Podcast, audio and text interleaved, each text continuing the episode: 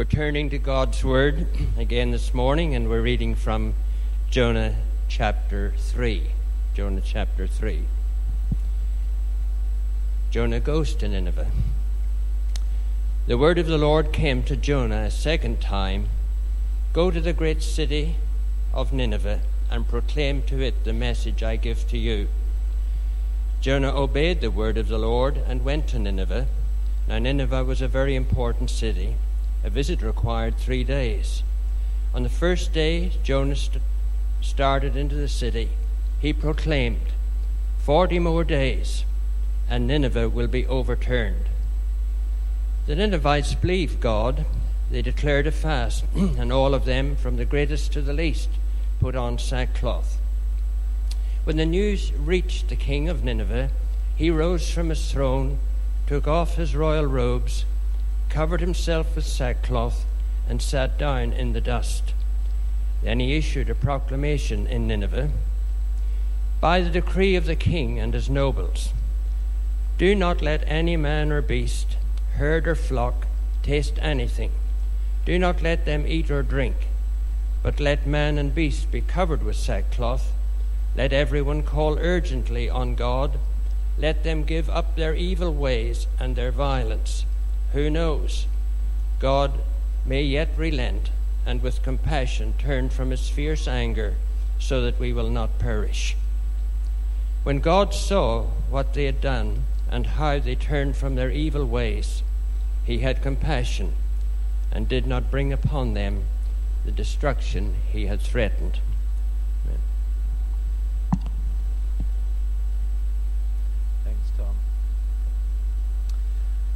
I'm, I'm just too far gone for God to be able to rescue me.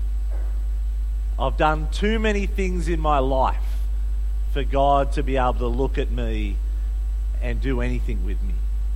God could never save someone like me. I'm surprised that the building didn't fall down when I walked through the doors. I could never be used by God to do anything. God uses other people, different people, special people God could never use someone like me. I just, I've messed up too many times. I wonder how many times you've said or thought those things. I'd be very surprised if there was anyone who hasn't thought at least one of them. It's the message that we get from a Christianity that says Christians are all about good people doing good things, which, which is not the gospel, it's not Christianity. But when people hear that as Christianity, they think, well, I'm not a good person, therefore God can't be talking about me. But today, if, if you've thought anything similar to that, I'm really glad that you're here today. Because the story of Jonah, the story of Nineveh, just throws in our face again and again that our God is a God of second chances. Our God is a God who can renew, who can transform, who can use the most damaged, broken people to do amazing things. He can use people like you and me to save people that we could never imagine would be saved. This chapter is all about second chances. And that's probably generous. It's probably more like this chapter is all about fourth and fifth and sixth and sixtieth chances. Because our God is a God who will come knocking again and again and again. And so we need to hear this. We need to be encouraged by this, but we also need to see the urgency that this brings. It will bring a comfort, it will bring a challenge, it will bring urgency. As we discover the two people in this chapter that are given chances that they just never deserved, just like He has given us chances that we never deserved. I'm going to pray and then we're going to get stuck into it. Heavenly Father, thank you that you are a God of second chances. May we hear it this morning not as my message, but as your message, your comfort, your challenge, and your urgency. Would we hear you speak directly to us? And would we get up and would we go? We pray it in Jesus' precious name. Amen. The first group that are offered a second chance in this story is the great city of Nineveh. Um, do, you, do you reckon that could have been Nineveh? Anyone want to take a punt at what city this picture reflects? Chopper? Chopper? Yeah. The, the, the honest answer is it's a city that was built on Minecraft. Um, that was so good that we thought that could totally be Nineveh. Nineveh, throughout the story of Jonah, is a great city. It's a very important city. It's a large city. We, we, we learn from Jonah that it's, it takes three days to see the city. We learn from Jonah there are 120,000 people in this city. Uh, we know from history and from culture that there was a great wall around the city of Nineveh, seven and a half miles long. It was an impenetrable city. But we also know that it was a city that was a cultural center. It, was one of those cities where everything went out from. It was a strategic city. It was your New York City kind of city. They were the trendsetters. They were the ones who, who culture began in and then went out to everywhere. This was a strategic, great, important city. And God loved this city. It makes sense for God to love important cities because the word, the culture, the trends that start here will go out. And so naturally, God will want to do a thing in Nineveh that can then work its way out like ripples from the center of a pond throughout the known world. Nineveh was a great city, but Nineveh was also a horrific, violent, evil city. I, I had some stomach quenching moments as I heard the kind of city that Nineveh was. And I'm going to I'm to try and say a few of them without going too far. So, content warning, I could say a lot more, but, but even what I'm going to say can be disturbing. This was a city that when they went out and, and pillaged and, and, and overtook other cities, as they were known to do, they would kill all the children, stop off the generational gap of that place. They would do horrific things to the women. And the men, they would torture in, in a fashion that I wouldn't like. I, I wish I never knew about. They would torture them, they would behead them, they'd come in with heads on stakes and, and celebrate throughout the city and then they would pile those heads to, to make a pyramid at the front gate of the city so that people knew the kind of city this was as they were entering into it. This is a city not to be messed with. These are violent, despicable, horrific people. It's no wonder that when Jonah was told in chapter 1, go to Nineveh and preach to them God's love, that he said, No, thank you, I'll go that way. These were depraved people, evil, nasty people. And yet, God loved them. That's got to tell us something, doesn't it? If God can have a love for Nineveh and want to see Nineveh come to know him, want to see Nineveh saved and transformed, if, if God is willing to give Nineveh another chance, you'd be doing well to paint a story of yourself that makes you coming off smelling worse than the Ninevites. If God has a heart to save Nineveh, how much more does God have a heart to save us? How, how much more is God willing to go to extreme lengths to save you? To, to save your uncle that is so far gone that you think, you know, there are some people in my family who I can maybe imagine God working through, but that one uncle or that one sister or that one father, there's it'll have to be a miracle of all miracles for God to transform them. They are Nineveh. And, and, and what do we see in this passage? We see a revival that is greater than any Billy Graham crusade ever managed. We see a complete and utter transformation of this evil city. Come with me to verse 5. Jonah chapter 3, we're going to come back to the first part, verse 5. The Ninevites believed God. Just stop and reflect on that for a moment. Let, us go back to the message. Let's go back to verse 4. Let's, let's look at the message that they believed. Verse 4. Uh, on the first day, Jonah started into the city. He proclaimed. It's an eight word sermon. It's five words in Hebrews, in, in, the, in the initial language in Hebrew. Let's look at that message. This is, this is the message that Jonah was, was sent in to give. It wasn't a, you know, a three-point sermon on how to transform the lives of evil, nasty people. You know, stop being bad, start being nice. Maybe then people will like you. It, it's not one of those warm, fuzzy, you know. Have a look at this, verse 4. 40 more days and Nineveh will be overturned. um, you notice in the, in the kid spot that Adam did earlier, the word there was destroyed. It's the same word, it can mean a bunch of different things, and, and that's going to be really important. Um, 40 more days, and Nineveh will be destroyed or changed. That's basically what overturn means. It can mean both things. It's, it's clever. 40 more days, and something big's going to happen in Nineveh. My money and my dream, says Jonah, is on destroyed, and I can't wait to sit back and watch. 40 more days, the clock is ticking. And so he just went around from place to place, place preaching the same five word sermons. 40 more days, and you're going to be changed. 40 more days, and you're going to be destroyed. Back in verse 5, the Ninevites believed. Can, can you get your head around that? This is like the city of Las Vegas saying, We've become Christian, we're trusting in Jesus. We're, we're turning all of our casinos into refuges for the homeless.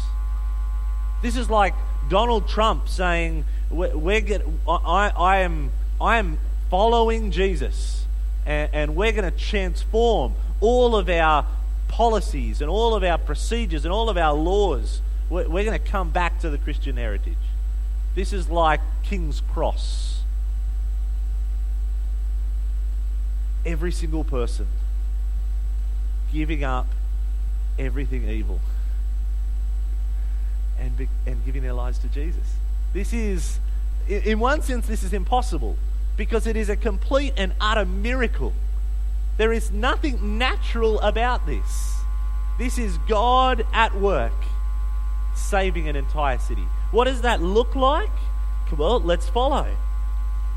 The Ninevites believed God. They declared a fast. They stopped eating, and all of them, from the greatest to least, put on sackcloth. Uh, the whole idea of sackcloth and ashes, it's, it's very familiar in the Old Testament. Um, sackcloth is basically really itchy, ugly kind of hair made from goat skins. It must have felt really, really bad Oh, I couldn't help. I'm sorry. I'm sorry. I won't do that again. I, I, I apologize. this is a sign that says I, I am a, I don't deserve to wear comfy clothes. I, I, I, I want to do something so unique. I'm going to just, I'm going to wear the most uncomfortable thing possible so that every scratch, every itch is a reminder that I need to call out to God. Fasting is it's a sign of dependence on God. It's I'm going to stop doing what I really, really want to do, and I'm going to call out to you. When the news, this is perhaps the most amazing thing of all, verse 6. When the news reached the king of Nineveh, he rose from his throne, took off his royal robes, covered himself with sackcloth, and sat down in the dust. Then he issued a proclamation in Nineveh by decree of the king and his nobles Do not let any man or beast herd or flock taste anything. Don't even let them drink. The, the people say, We're going to fast. Maybe, maybe God will be kind. The king says, No, no, we're going to do way more than that. Not only are we going to fast, but all our animals are going to fast.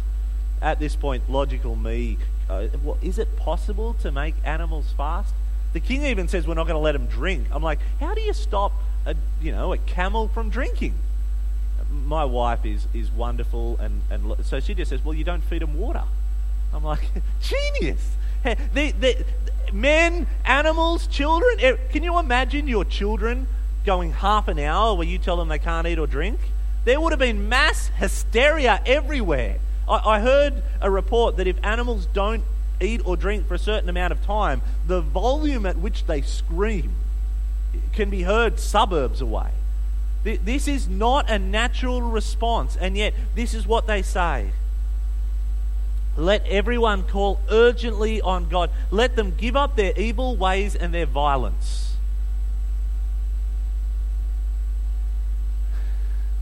It's, it's mind boggling.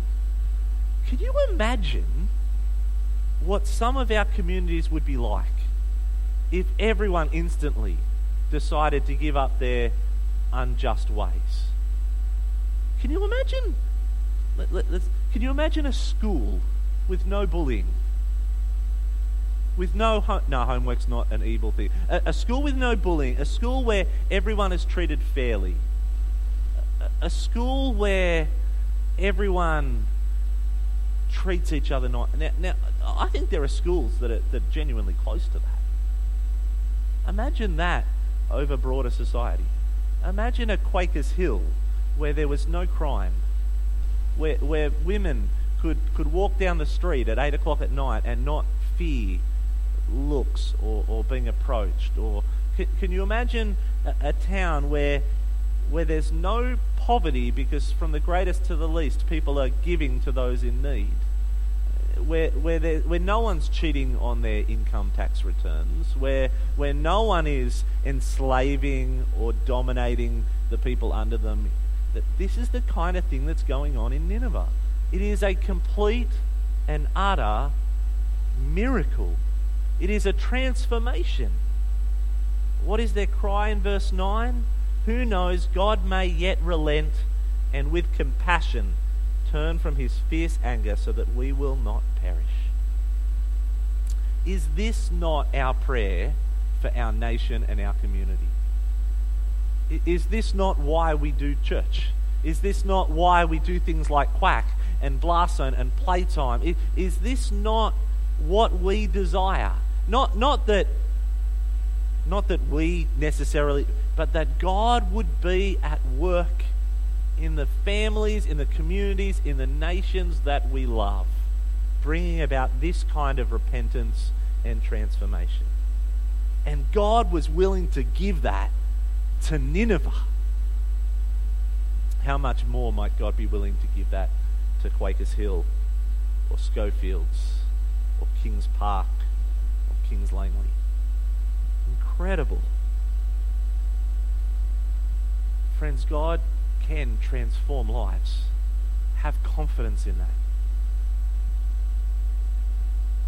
God can change the most stubborn, rebellious people. Have confidence in that. God can transform and redeem and utterly change.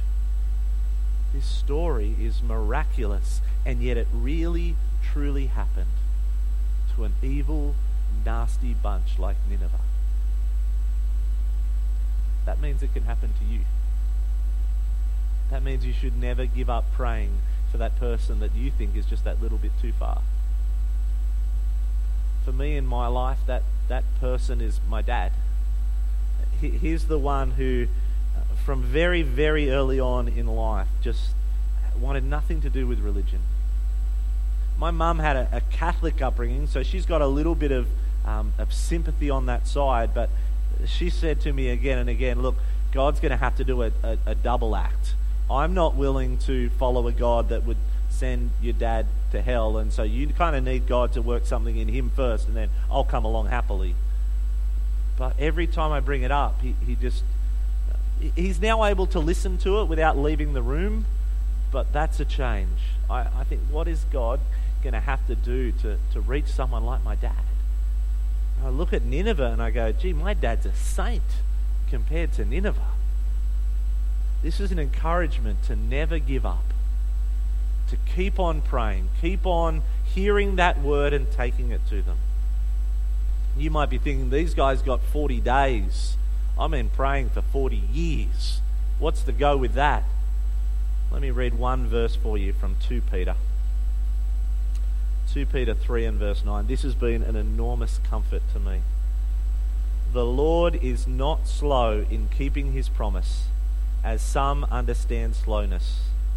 He is patient with you, not wanting anyone to perish, but everyone to come to repentance. I want my dad to be saved yesterday. You want your friends to be transformed yesterday. God says, Leave the timing to me. I haven't forgotten. I'm not unwilling. I'm not unable. I don't want anyone to perish. Keep coming back to me, and I can do great things. If I can transform Nineveh, if I can give them another chance, I can give you and those you love another chance too. Nineveh didn't deserve it. We don't deserve it. But God can do amazing things. That's the first person who received, or the first group of people who received a second chance. The second one is the person of Jonah, is it not? Jonah, that disobedient, proud, stubborn, arrogant prophet who God gave a job to do and he ran away. God got his attention from a storm and he fell asleep. God gave him the perfect opportunity to repent. He, he, gave wisdom to pagan sailors so that they know he was the problem. They cry out, Pray to your God. And he says, Chuck him overboard. He's given him another chance. He swallows him up with a giant fish, saves him from the depths of despair, spits him out onto the land I had someone ask me this week, where, where did the fish vomit him to? Did, did the fish, the fish kind of swim in? Is, is the reason he was there for three days and three nights because it took him to Nineveh and spat him out there? Well, the text doesn't say, but my guess is it's anywhere but Nineveh. If God sent, spat him out at Nineveh, he doesn't really have an option there, does he? Oh, I guess I'm here. No, my guess is God spat him out anywhere other than Nineveh and said, Hey, I'm going to give you exactly the same choice again. This time will you go? That's what he says in chapter 3 and verse 1. Come with me, Jonah chapter 3 and verse 1. The word of the Lord came to Jonah a second time Go to the great city of Nineveh and proclaim to it the message I give you. First time he said around, he says, Jonah, go to Nineveh and preach judgment. This time he says, Jonah, go to Nineveh and this time, I'm not even going to tell you what to preach. You go and I'll give it to you when I get there. You need to obey me. And this time, Jonah goes. Jonah obeyed the word of the Lord and he went to Nineveh. On the first day, he started in the city. He proclaimed, 40 more days and Nineveh will be overturned. This time, Jonah was obedient. Jonah, in one sense, is exactly like Nineveh. He didn't deserve a second chance he, he didn't deserve salvation. He deserved to die. He deserved for his body to still be there on the bottom of the Mediterranean Sea. But God was kind. God saved him. He transformed him. And, and the prayer of repentance we looked at two weeks ago in chapter 2 is a perfect illustration of someone saved. But, but God doesn't just want to save people. People like the city of Nineveh, people like your uncle or my dad or someone's sister, God not only wants to save them, God has a job for them to do. And so when God wanted to save the city of Nineveh, because he loved them, because he saw in the city of Nineveh people made in his image, people with potential, people with inherent value. He wanted someone to go he, could have chosen someone perfect, someone talented, someone godly, someone obedient. But he sent Jonah. He saved Jonah. He sent him out. He used someone like Jonah to bring about transformation, to bring about renewal, to bring about a whole new city. God can use you in exactly the same way. God can use people like my dad in exactly the same way. Friends, God saves unlovable people, but the being saved is not the end product. We don't now sit around and sing songs and say, Hooray, we're saved. Let's get comfortable. We are saved for a purpose We are saved with a job. We are saved with a transformed heart that cannot but reach out and look to transform the people around us. I've said all along this morning God is a God of second chances and third chances and fourth chances. But it's not infinite. It's not infinite. Notice the message that Jonah is sent with 40 days and the city will be overturned. God doesn't say, Come back to me, please. Keep coming back. Come back. He doesn't say it over and over. He, he, there's a time. And He gives us that same challenge too. I want you to come back to me, and I want you to be used to transform the world. I'm going to give you second chances and third chances, but there will come a time where there are no more chances. And so you need to know this is an urgent thing. You don't know if a, a, a bus is going to veer into the wrong lane at the wrong time. You don't know if one phone call from the doctor is going to change everything. You, you don't know when Jesus is going to return and destroy all of our plans. God is a God of second chances, but there is an urgency in that one day there won't be. Are you ready for that? Now, I, I want to say on that day, we want to not only be ready, but we want to have been spreading the news far and wide. We want to see lots and lots of other people ready. But first of all, we have to be ready. My, my feeling is we've, we've heard this message before and, and we like it and it gives us a bit of a, a pep up. But my guess is, is I look around at the people that I know and, and I look inward at myself. We've lost a sense of that urgency. We've lost a sense of that, yes, God will give us second chances. That's great. That takes all the pressure off. We've lost a sense of that there will be that 40th day that will come. Now, now no words of mine are going to bring that back. But I'm convinced that as we get stuck into God's Word, as we cultivate our faith in Jesus, as we, as we build up our prayer life again, as we get back on the wagon of reading our Bibles, as we do things in community, as, as we seek God's presence in all that we do, my guess is that's a message He's going to bring back to us again and again. There is an urgency to this. God loves the unlovable and He wants to see the unlovable reached and transformed. That's His heart, that's His desire. Would that be ours? And would it be an urgent one? That we will give our lives to Him and then we will take that message to the world, starting with those right around.